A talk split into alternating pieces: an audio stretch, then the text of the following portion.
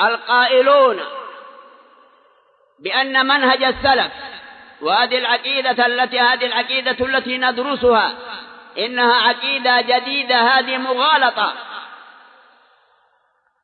ما هم عليه هو الجديد.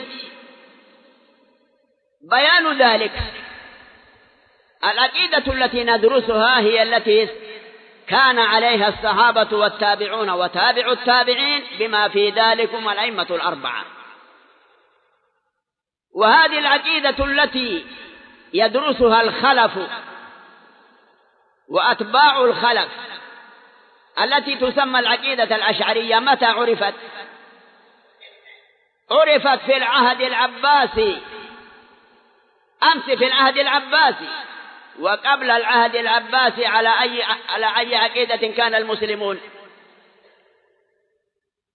الصحابة وخلفاء الأمويين وخلفاء العباسيين إلى عهد المأمون العباسي الخليفة السابع. قبل ذلك لا يعرفون هذه العقيدة التي تسمى الآن العقيدة الأشعرية.